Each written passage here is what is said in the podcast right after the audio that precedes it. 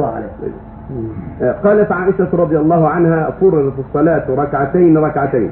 فلما هاجر رسول الله صلى الله عليه وسلم زيد في صلاة الحضر وأقرت صلاة السفر. فهذا يدل على أن صلاة السفر عندها رضي الله عنها غير مقصورة. وهناك حديث ابن عمر في مسلم ما بالنا نقصر وقد أقمنا. فقال له صلى الله عليه وسلم صدقة صدق الله بها عليكم فاقبلوا صدقته. وحديث ابن عباس فرض الله الصلاة على لسان نبيكم في الحضر أربعا وفي السفر ركعتين وفي الخوف ركعة. فالسؤال هل من صلى في السفر أربعا متعمدا تجزئه صلاته؟ لا منافاة بين هذا كله. فأصلها ركعتان ثم أتمها الله أربعا في حق المقيم وبقي الثنتان في حق المسافر. لا تجب عليه الثالثة والرابعة.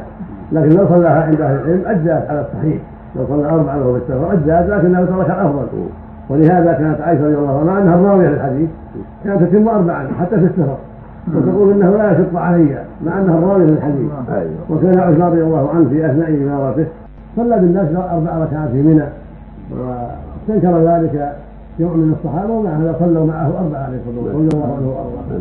المقصود أن السنة سنتان للمسافر ولكن لو صلى اربعه نجزات والحمد لله. نعم. صدقة من الله.